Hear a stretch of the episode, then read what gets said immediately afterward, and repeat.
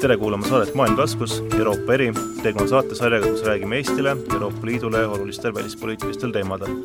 sel korral on luubi all Euroopa Liidu suhted Hiinaga. teema lahkamiseks olen stuudiosse palunud Euroopa Parlamendi saadiku Jaak Madissoni, tervist! tere päevast! mina olen saatejuht Margus Parts.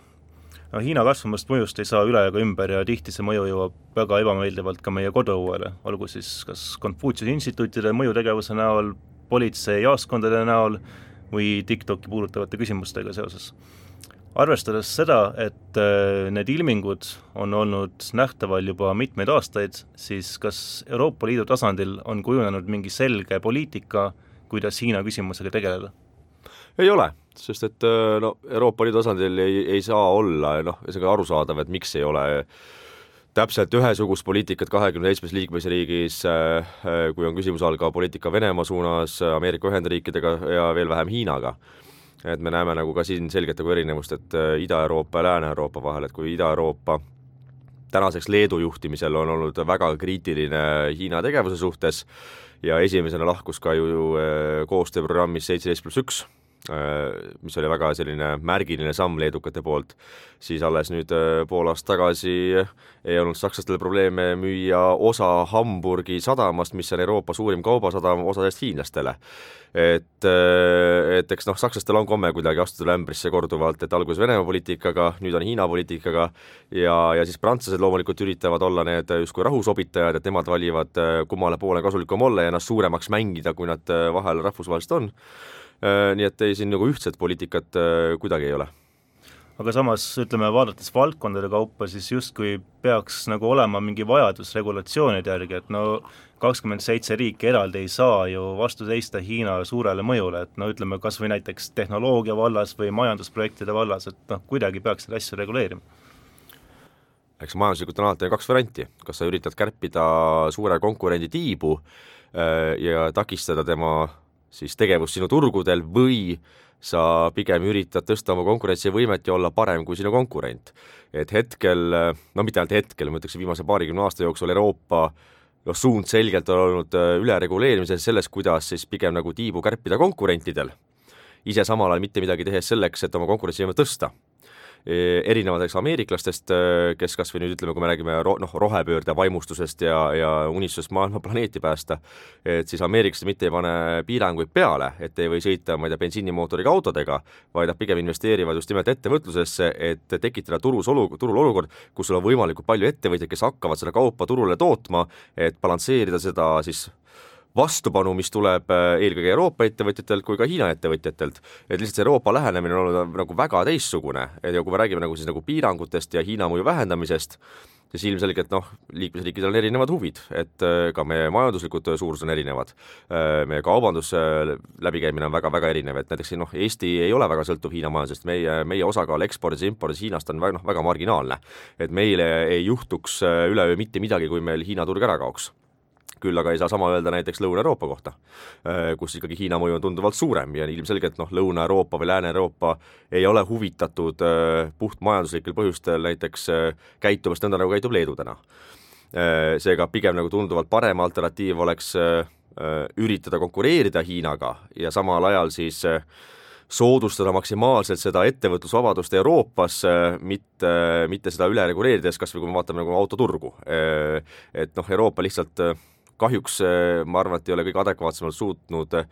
kriisidele ja uutele olukordadele reageerida, et, et sellest olukorrast toime tulla. aga, aga noh, eks näis, kus elu läheb. igas, igastahes noh, praegu ei ole näha, et, et siin mingi ühtse kokkulepet leitakse, sest et noh, paratamatult kui me noh, kui Euroopa Liit üritaks mingisuguse jõumeetodiga saavutada ühtset seisukohta, et näiteks me kärbime Hiina investeeringuid terves Euroopa Liidus tervikuna, või et me mingite kaupade importi näiteks piirame väga, väga siis Äh, radikaalselt, et Hiina mõju vähendada, siis see tähendaks ju seda, et äh, see tuleb ju liikmesriikide otsustamispädevuse arvelt. ja kas, äh, kas ka Eesti tahaks olla, ütleme, olukorras, kus kus meie kaubandussuhete üle lõplikult ja poliitiliste küsimuste üle lõplikult ei otsusta mitte Eesti Vabariigi valitsus, vaid otsustab eks Euroopa Komisjon, et ma arvan, et mina seda ei tahaks. üks oluline näide Euroopa Liidu tegevusest Hiina mõjule vastuseismisel oli Balkani võlakriis, ma mäletan, ma sõitsin ise kolm aastat tagasi läbi Montenegro, ma nägin suurt tee-ehituse projekti, mis põhimõtteliselt nagu viis mitte kuhugile, noh idee oli sellest, et äh, mere ääres siis transportida kaupa üle piiri. Äh, ja selleks oli vaja ehitada maantee ja sillad ja kõik muu taristu läbi mägede, läbi orgude, sellega seoses Montenegro valitsus muidugi langes sügavale võlgadesse, Euroopa Liit lõpuks tuli appi, aga kas see on pigem üksik näide või Euroopa Liit ikkagi üritab rakendada mingisugust nagu teadlikku strateegiat, et hoida Euroopa Liidu potentsiaalsed liikmesriigid ikkagi nagu noh, vee peal, ütleme, kes on läinud sinna Hiina võla lõksu äärele jah, see Montenegro väljaaitamine oli ka väga piiri peal, et alguses ikkagi Euroopa Liit ütles selgelt ei, et see ei ole meie mure, et esiteks noh, Montenegro ei ole Euroopa Liidu liikmesriik ja teiseks see on teie enda sisepoliitiline otsus olnud. et te olete võtnud äh, sellise laenu, et hiinlased ehitaksid teile siin infrastruktuuri üles. aga lõpuks, kuna see oli geopoliitiliselt ka, ütleme ikkagi noh, Euroopale tervikuna suhteliselt oluline, et kas äh, hiinlaste siis äh, pandakallistus on väga tugev meie, meie äärealadel või mitte, et siis oli mõistlikum, ütleme, see Montenegro välja aidata.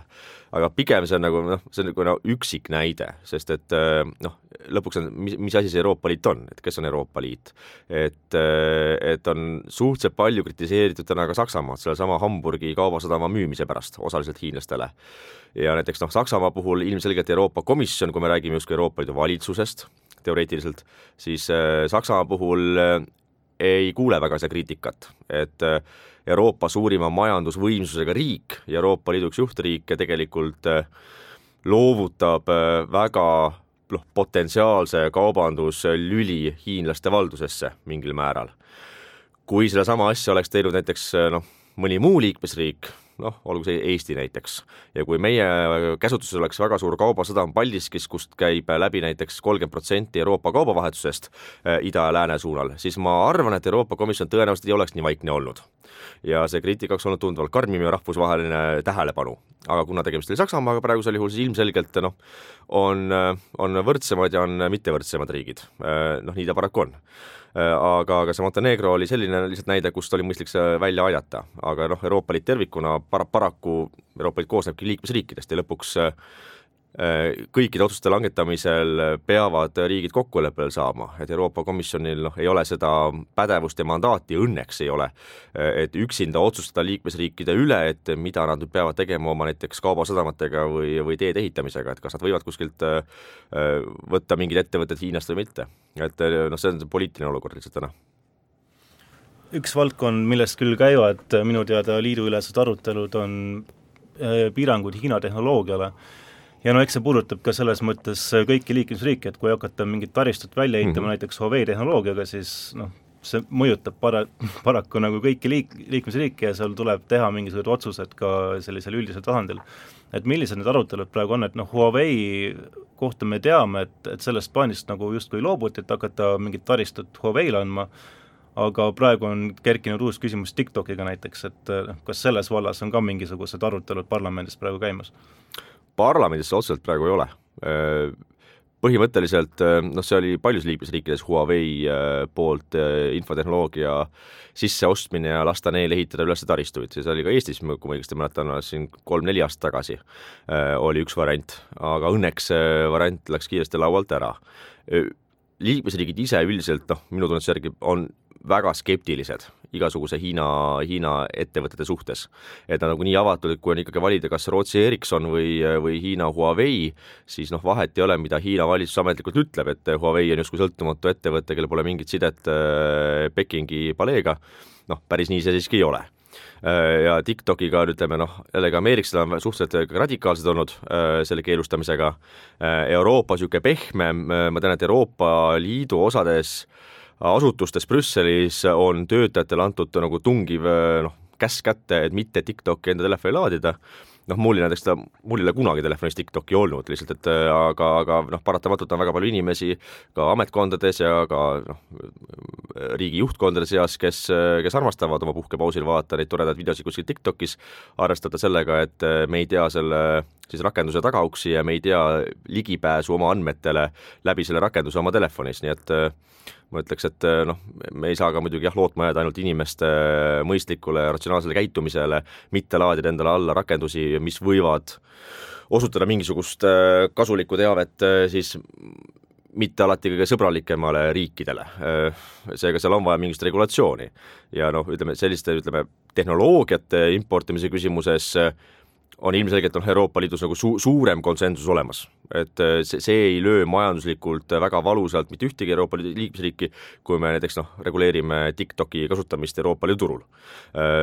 Ja, ja samamoodi ütleme, kui meil on olemas mõistlikud alternatiivid Huawei'le, mida meil on olemas, ka Euroopa ettevõtjate näol, siis ilmselgelt noh, see, see ei ole nagu niivõrd valus äh, hoop, kui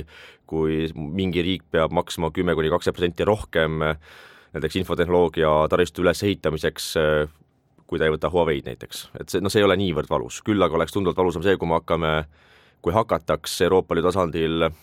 siis importi keelustama ütleme, suuremad majandussektoritega toodetel. Ja, ja no ma ütleksin, et noh, siin tõenäoliselt saab olema suurem, suurem vaidlus järgmiste aastate jooksul eelkõige muldmetallide osas, ehk siis noh, fakt on siiski see, et äh, ligi kolmandik maailma ressurssidest, muldmetallid äh, asuvad Hiinas ja, ja teine suur osa muldmetalle, mis asub Aafrikas, on Hiina ettevõtjate kontrolli all. ja, ja alles nüüd siin, kui ma ei eksi, paar kuud tagasi Euroopa Komisjoni helge president Ursula von der Leyen pidas parlamendis kõne, kus ta, kus ta väga emotsionaalselt rääkis, mismoodi Euroopa peab saama sõltumatuks muldmetallide kaevandamisel. noh, sest fakt on see, et et kuidas sa teed rohepööret ja kuidas sa siis vuristad ringi Berliini tänavatel oma elektriautoga, kui sul pole seal peal akut, milleks on vaja muldmetalle, noh, koobaltit ja, ja muid aineid. Aga suurem osa ressursse on hiinlaste kontrolli all, ehk siis noh, suure vaimustusega on vastu võetud toredad plaanid noh, kliima, kliimamuutuste peatamiseks ja maailma päästmiseks, aga pole nagu välja arv-, arvutatud, et kust see materjal tuleb ja kelle valduses see materjal on ja mis on selle hind. Äh, nii et ma, ma nagu ma ei ole siiamaani kuulnud või näinud ühtegi konkreetset Euroopa Komisjoni plaani, peale lihtsalt sõnad, et me peame olema sõltumatud, aga kust see nagu ressurss peaks siis tulema, kui mitte Hiinast või Aafrikast, kus on väga palju hiinlaste kontrolli all, noh seda ma näinud ei ole. nii et ma arvan, see saab nagu niisugune päris, päris lõbus eksperiment olema Euroopa ajaloos, et kuidas teha suurt uut tööstusrevolutsiooni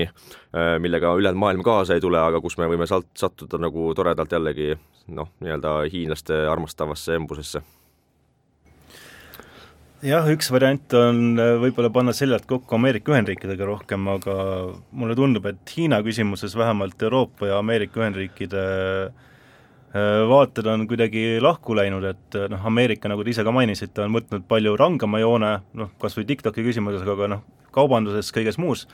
Euroopa nagu üritab kuidagi laveerida seal vahepeal, kas on praegu näha ka, et selline dissonants hakkab kuidagi omavahelisi suhteid mõjutama, et Atlandi-ülesed suhted võib-olla ei ole enam nii head selles valdkonnas? ega nad pole noh, ütleme nii, et kui konflikt ei ole väga päevakajaline või ei ole noh, ette ettenähtavas tulevikus äh, toimumas radikaalset pööret kuskil välissuhetes äh, Aasias, siis on need suhted alati stabiilsed. aga kui, äh, kui olukord on teravnenud praegu siin Taiwan'i ümber, ja seoses ka Hiina õppustega Lõuna-Hiina meres, äh, äh, nende probleemidega, mida nad on praegu jaapanlastele korraldanud, äh, konflikte Austraaliaga, siis noh, ilmselgelt hakkavad riigid nagu koonduma erinevatesse telgedesse ja nüüd on küsimus see, et kuhu koondub Euroopa. Hetkel Euroopa suurimad riigid, nagu noh, eelkõige Prantsusmaa, kus ka siis ju Emmanuel Macron ütles äh, alles siin vähem kui kuu aega tagasi äh, välja, et, äh, et Euroopa ei taha olla USA ripats või niisugune nii-öelda kaasajooksik ja et Euroopa ei ole huvitatud mitte mingil moel osalemast äh, siis sõjalises konfliktis, kui see peaks puhkema Taiwan'i pärast, et nad ei, et me ei peaks osalema USA-ga nagu ühel pool. Mis iseenesest on nagu osaliselt ka arusaadav, et noh, ma arvan, et mitte ühegi Euroopa riigi huvi või soov ei ole sekkuda kuskile sõjalisse konflikti, vaid me noh, kindlasti Euroopa soov on see, et konflikti ei puhkeks. Äh, sest et noh, üheski sõjas äh, ei, ei ole nagu lõpuni kõik nagu väga ilus. et ja see on noh, eriti kui küsimus olla nagu konflikti Hiinaga, siis on ennustamatu tagajärjega ja, ja ma ei ole väga kindel, et kui, kui palju nagu inimesed päriselt aduvad äh, neid ohte, mis, mis võib kaasneda sõjalise konfliktiga, näiliselt küll meie, meilt kaugel, meie kodust, aga kui see eskaleerub noh, suuremaks maailmasõjaks, mida me võime kutsuda, kui sul on Hiina ja USA vastakuti ja, ja mõlemal poolel on omad poolused, siis noh, me räägime globaalsest konfliktist, siis ma nagu väga kindel ei ole, et me peaksime hakkama muretsema selle pärast, et kust poolt tuleb tuumapilv. Aga, aga samal ajal noh, loomulikult Euroopa ei saa ka nagu väga nagu enesekeskselt öelda, et meie poolt ei vali ja, ja meid ei huvita, mis toimub USA ja Hiina vahel, et me oleme siin neutraalsed ja niisama sitsime kuskil omaette, sest et samal ajal Euroopa kohe kuidagi väga ei taha sõltumatuks saada sõjaväeliselt sest et alles noh, nüüd paar nädalat tagasi avaldati päris korralik analüüs riigikaitsekuludest NATO liikmesriikide seas, neli, viisteist kuud hiljem peale Ukraina sõja puhkemist. Ja noh, fakt on siiski see, et Lääne-Euroopa riigid äh, ei ole tõstnud oma kulutusi, ehk siis äh, äh, ainult kolmandik riikidest täidab kahe protsendi eesmärki, milles lepiti kokku juba kaks tuhat neliteist, ligi kümme aastat tagasi, teine kolmandik on seal ühe koma viie kuni kahe, kahe protsendi vahel SKP-st ja, ja tervelt kolmandik ülejäänud siis kolmandik riikidest, ehk siis üksteist riiki kolmekümnest, on seal alla ühe koma viie protsendi. Ja suur osa neist on näiteks Hispaania, Itaalia, noh, Luksemburg kääbusriigina, Holland. Nii et on, see ongi nagu eurooplaste küsimus, et ühest küljest nagu noh, tahame küll mängida väga suurt sõltumatut majanduslikku võimsust globaalselt, balansseerimaks siis USA, Hiina ja Venemaa mõju, aga samal ajal justkui ootame nagu noh, näpud pikali ameeriklaste poolt abi, et ärge oma sõjaväebaasi ära siit viige. sest me ise ei taha maksta, vaid me eelistame siin teha mingisuguseid utoopilisi rohepöördeid, päästa jääkarusid, noh, tunda ennast väga rohelisena ja noh, toredalt, hoida üleval oma sotsiaalsüsteemi varaneva ühiskonnaga, toetada migratsiooni, aga samal ajal noh, riigikaitsekulutuste jaoks meil raha pole, et olge head, makske teie kinni see ja siis, kui tuleb sõjaline konflikt, eks ole, USA ja Hiina vahel, mida loodetavasti ei juhtu, siis eh, justkui nagu siis prantslased ja sakslased ütlevad, pühivad käed puhtaks, et ette ei, noh, see, see ei ole meie mure siin enam. Eh, no, no see ei, ei tundu nagu väga usutav eh, realism, millele kas või ütleme, Washington peaks nagu väga hea pilguga vaatama.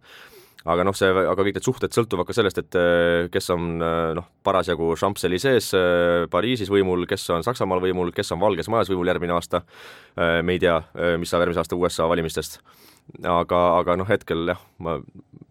ei ole nagu näha, et no ei ole kunagi olnud näha tegelikult Euroopa sellist nagu väga tugevat, selget ühist arusaama geopoliitikast ja, ja majanduslikust konkurentsivõimest. vaid tihti nii-öelda noh, paratamatult liikmesriigid ajavad oma asja ja lõpuks üritatakse kokku leppida milleski ja kõike tehakse noh, kolm korda aeglasemalt, kui ülejäänud maailm äh, seda teeb. aga sellest edasi tegelikult äh, tõukub teine küsimus, et ähm, oletame, et äh, tekib mingisugune väga selge selline äralõigatus Hiina ressurssidest. nagu te enne mainisite, et noh, Euroopal ei ole nagu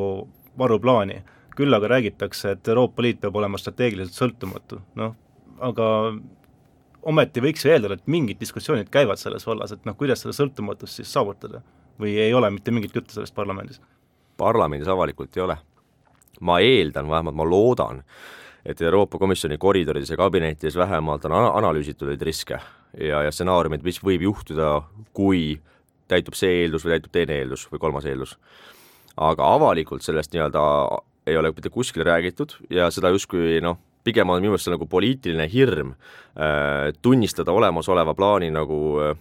väga nõrku savijalgu. sest et äh, noh, kuidas sa nagu tunnistad, et meie plaan äh, suureks rohepöördeks viimase kümne aasta jooksul äh, noh, ei ole üles ehitatud väga usutavatele plaanidele. et, et mis oleks nagu, nagu selgelt nagu plaaniga, et okei okay,, kui siin läheb nihu, võtame selle järgmise strateegia, kuidas seda plaani saavutada sest praegu kõik lähtub ainult sellest, et põhimõtteliselt kaks tuhat kolmkümmend viis me kõik sõidame elektriautodega, parlamendis ei ole mitte kordagi toodud konkreetset plaani, et kuidas me siis toodame seda energiaressurssi, mida meil on vaja kordades rohkem, seoses sellega, et enam me mitte ei pane siis tanklas äh, Statoilis või, või Circle K-s endale bensiini või diislit, vaid me hakkame seal laadima elektriga. kust tuleb see energiamahu kasv? ainuke nii-öelda poliitiline ideoloogia on see, et meil on väga palju siis äh, taastuvenergiat, milleks on päikese- ja tuuleenergia, mõndades kohtades ka hüdroenergeetika, ja sellest justkui piisab. Äh, aga nagu arvutust selle kohta, et kust me võtame selleks olemasoleva ressursi, seda ei ole. kõik ta, noh, on eeldus selles, et me saame seda importida piisavalt palju. või noh, nüüd Rootsi, Põhja-Rootsis me leidsime äh, muldmetallide maardla, aga noh, tore on, aga sellest äh, tõenäoliselt jätkub ainult Rootsile Soomele, võib-olla Norrale natukene mitte terve Euroopa rohepöörde tegemiseks. Äh, aga niisuguseid noh, konkreetseid plaane nagu tegelikult ei ole ja kui Hiina ütlebki lõpuks, et et meie kontrolli ole, olevat maardlad, mitte ükski enam ei müü Euroopa ettevõtjatele ja riikidele enam muldmetalle, siis noh, minu arust palju õnne oma rohepöördega, et, et ma arvan, et siis et lõpuks üldiselt on noh, inimestel vaja mingisugust äh, korralikku nagu ma ei tea, noh, raputust või lööki, et aru saada sellest, kuidas maailm pöörleb. et noh, sinnamaani, kuni äh, elekter tuleb ja, ja tuba on soe ja, ja saad istuda oma telefonis ja arvutis, siis on nagu alati tore rääkida mingisugust rohepöördest ja maailma päästmisest ja, ja noh, ütleme teismelistest, kes protestivad kuskil parlamentide ees selleks, et siis võidelda fossiilkütuste vastu, aga kui see kõik sul kokku kukub, süsteem, eks ole, siis, siis üldiselt tuleb see raputus, kus enam ei taheta loobuda nendest hüvedest, mis on tulnud tegelikult tänu meile ainult tööstusrevolutsiooniga ja, ja siis ütleme, loodusressursside väärindamisega selleks, et meie heaolu kasvaks ja, ja hüved oleks suuremad. ja ma arvan, et eks see kui me jätkame nagu sama stsenaariumi praegu, siis noh, lõpuks see paratamatult jõuab öö, nagu päevakorda, et kuidas me siis nagu põhiliselt hakkama saame siin Euroopas omadega. aga noh, mis seal ikka, see on nagu maailmas läbi käidud tee, et ega siis Hiina on selle läbi käinud, kunagi suured, suured, suured hüpped Mao Zedongi juhtimisel ja, ja revolutsioonid selleks, et saada maailma suurimaks majanduseks, aga noh, paratamatult selline käskiva viisiga idealism, mis on kantud suurest poliitilisest ideoloogiast, millel puudub side nagu reaalsete, reaalsete nagu majandusnäitajatega, noh, ega see kuskile kaugele sind ei vii, see pigem viib nagu päris, päris suurde krahhi lõpuks majanduslikult. aga noh, näis, mis tuleb, ega me keegi hiromant ei ole ja ennustada tulevikku on väga keeruline. Hiinal on hea komme nimetada toredate nimedega enda igasuguseid poliitilisi voole, enne räägiti huntsõdalase diplomaatiast, nüüd räägitakse pandadiplomaatiast, et mm -hmm. Noh, samas nagu meie jutust siin tuleb välja, et justkui nagu mitte midagi ei ole muutunud ja tegelikult on asi palju hullemaks veel läinud, et noh, Hiina on läinud agressiivsemaks, aga millest see siis, kas on mingisugune tühi õhk seal nime taga, et nüüd on järsku mingisugune pandakallistus ja et on uus diplomaatia või? no Hiina, Hiina suhtes tuleb vaatama muidugi kogu ajaloolist arengut, sest et veel kakskümmend aastat tagasi oli Hiina noh, globaalses majanduses kääbus ta oli odav allhankija lääneriikidele, et me saaksime tellida oma noh, ütleme odavaid riideid, mida me täna ostame HM-ist, või toredaid mänguasju, mis lagunevad sul kahe päevaga ära. Äh, aga selle kahekümne aastaga on teinud Hiina nagu meeletu majandusliku ja tehnoloogilise hüppe. ja, ja kui sul äh, juba kaubandusmaht on võrdväärne Ameerika Ühendriikide omaga ja sinu sõjaväeline võimekus on viidud tasemele, kus sa noh, reaalselt oled ainukene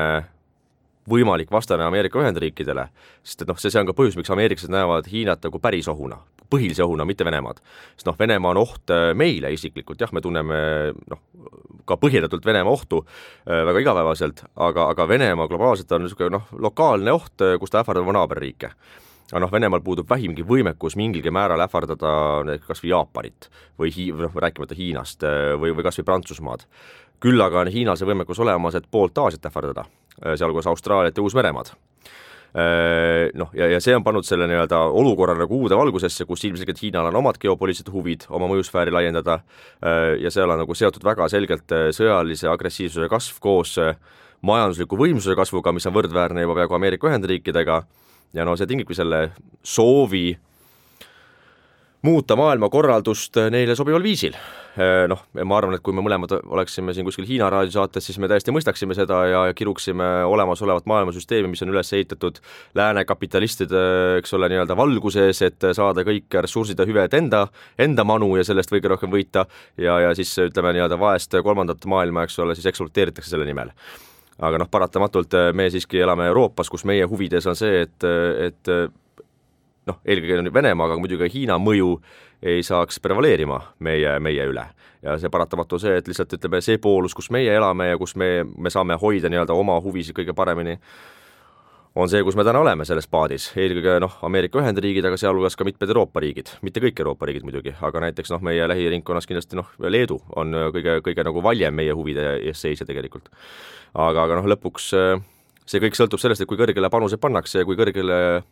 julgetakse minna selle mänguga, et ja seal on väga, väga, väga palju noh, vastuseid peitub äh, tänases Ukraina sõjas, Venemaa agressioonis, kuidas see hakkab äh, mõjutama järgmiste kuude jooksul, äh, kuidas sõjakäik mõjutab Hiina-USA suhteid,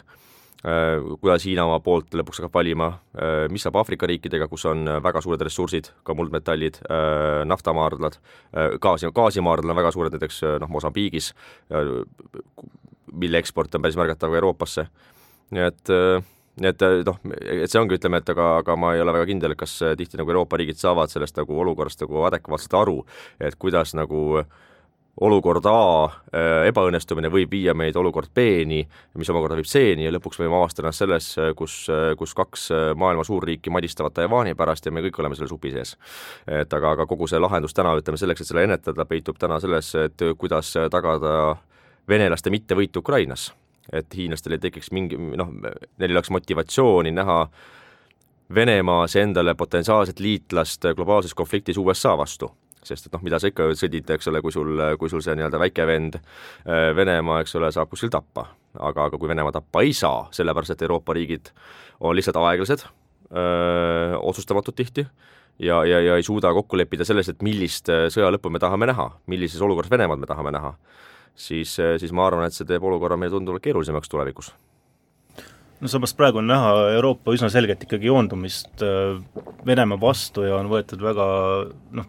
suuri samme ette, no okei okay,, te ise ka mainisite, et Euroopa on tihti aeglane, tihti on otsustamatu, aga no lõpuks ikkagi mingid otsused vastu võetakse. et mm. küsimus selles, et kas praegu on lihtsalt aru saada sellest ka, et see, mis toimub praegu Ukrainas, mõjutab tegelikult ka Euroopa Liidu poliitikat Hiina suunal? kas või on mingid esialgsed sammud näha? no vähemalt retooriliselt on muidugi noh, Euroopa Liit tervikuna on muutunud äh, kriitilisemaks Hiina suhtes ja eks selle noh, sellele annab nagu ütleme, noh selleks on vaja ka Euroopal endal mingisugust jälle kuskilt mingisugust kõmakat, eks ole, et aru saada sellest, et Hiina nagu ei ole alati meie suurim sõber. et Hiina võib olla meile väga potentsiaalselt kasulik partner äh, rahvusvaheliselt kaubanduslikult, aga samal ajal Hiinal on omad huvid ja ilmselgelt Hiina noh, Hiina huvides ei ole näha Euroopat nagu mingisuguse ühtse kontinendina, mida me ka tegelikult ei ole, sest et noh, ilmselgelt ütleme, Eesti äh, julgeolekualased huvid ei saa noh, vähimalgi määral olla väga samasugused äh, noh, Luksemburgi omadega, et nii täpselt on, et ilmselgelt nagu keskmise Luksemburgi valitsusliikme igapäevamured äh, ei lähtu sellest, et äh, kui kaugel on Vene väed Narvast. Äh,. ja see on, see on paratamatu, ehk aga loomulikult sama, siis noh, see toob olukorra selleni, kus, kus Hiina näeb Euroopat kahekümne seitsme erineva liikmesriigina äh, ja ilmselgelt äh, noh, kõik Euroopa Liidu liikmesriigid, isegi Saksamaa on Hiinaga võrreldes kääbus, noh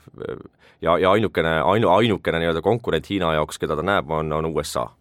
ja samal ajal USA-l on vaja noh, paratamatult on vaja rahvusvaheliselt liitlasi ja niisugust nii-öelda jõuõlga, äh, et, et vastata võimalikele provokatsioonidele või probleemidele, mis võivad Taiwanis toimuda aga, aga just nimelt nagu noh, te mainisite ka, et see Euroopa on teinud otsuseid, ma arvan, et isegi noh, kaks aastat tagasi keegi poleks uskunud äh, isegi käe, noh, käimasolevaid sanktsioone Venemaale. Äh, või et, või et Saksamaa hakkab saatma küll vanu, aga ikkagi hakkab saatma tanke Ukrainale, lihtsalt probleem ongi ajalises faktoris. Ja, ja, ja kui Euroopa nagu jätkab nagu sama aeglaselt, siis noh, lõpuks jah, venelased küll ei võta tervet Ukrainat ära, aga probleem tekib selles, et kust tekib see rahvusvaheline pinge äh, või surve ukrainlastel hakata tegema mingisugust vaherahu mitte neile sobivatel tingimustel. ja see, ja see tõenäoliselt tuleb, tuleb niikuinii, sest USA-s on tulema valimised, äh, USA põhimõtteliselt ma ei usu, et nad tahavad poole aasta pärast väga tegeleda Euroopas äh, noh, põlevate sõjakonfliktidega, vaid äh, keskendumine käib puhtalt siseriiklikule valimiskampaaniale, sellele, kuidas näete, USA on hegemoonia, aga samal ajal, kui see käib kuskil sõda nii-öelda NATO piirimail, siis sa väga sellele keskenduda ei saa et, et see, see lõpuks on see hind, mida siis ukrainlased peavad maksma sellepärast, et Euroopa lihtsalt on esiteks kolmkümmend aastat elanud kuskil oma, oma muinasjutus ja lisaks veel siis aasta jooksul pole suutnud tegelikult võtta vastu otsuseid, et me tõstame kaitsekulutusi ja kuidas me paneme tegelikult oma töösse maksimaalsel määral tööle selleks, et sõda võita ja ennetada järgmist sõda. Aga noh, aga see kõik on, ongi üks, üks pusletükikene suuremast globaalsest probleemist, mis meil on tegelikult Hiinaga ja Taiwaniga et aga noh, ma arvan, et enamus raadio, saat-, raadiokuulajatel võib tekkida küsimus, et mis meelest Taiwanist üldse, et Taiwan on ju ka, ütleme, kaardi pealt kääbus väike riik, eks ole, kuskil väga kaugel, et, et miks me peaksime hakkama madistama Taiwan'i pärast kuskil, kuskil kaugel, eks ole, ja, ja ja kartma sõja pärast, et aga noh, lihtsalt majanduslik fakt on see, et kaks kolmandikku täna äh, kiibi tootmisest ja pool juhtmetest, mida meil on vaja elektroonikatööstuses, tuleb Taiwanist. nii et, äh, nii et noh, tegelikult see, see, see on päris, päris põhjus, miks äh, miks äh, mitmed eri osapooled äh, praegu vaidlevad Taiwan'i staatuse üle, et kas, kas Taiwan peaks olema siis ainult üks osa Hiinast, kus Hiina kontroll on, ma ütleksin noh, siis äh, Hiina Rahvavabariigi kontroll, et ka Taiwan peab ennast Hiina, Hiinaks, Hiina Vabariigiks või on seal siis ikkagi nii-öelda praegune Taiwan, äh, mis on praeguse võimuga ja mis on ilmselgelt liitlane siis lääneriikidele, USA-le ja Euroopale. ja, ja, ja sellest sõltub väga palju ka maailma tuleviku kaubandus, et kes, kes kontrollib äh, Taiwan'i majandust. ja kui, kui Taiwan'i majandust hakkab, hakkab kontrollima Peking, siis on noh, põhimõtteliselt äh, ma, ma ei kujuta ette, kuidas hakkab keskmine tavaline Eesti äh, inimene oma telefone ostma, kui, kui kaks kolmandikku kiipidest on hiinlaste kontrolli all ja kogu siis hegemoonia majanduslikult on nende käes. siis ma, ma ma, ma, ma, ma, ma nagu ei näe, et, et äh, mõne aastaga suudaks Euroopa või USA sellest defitsiidist välja tulla kiiresti, et leevendada seda puudujääki, mis võiks tulla Taiwan'i kaotamisega. et see, see noh, see, see on see, see on see põhjus suuresti, miks, miks Taiwan on väga oluline tegelikult lääneriikidele. tõmbame alla? no tõmbame, kui vaja, igastahes jutt on ju põnev. jah, suur tänu saatesse tulemast! aitüma! Tänan kuulamast, järgmise korrani!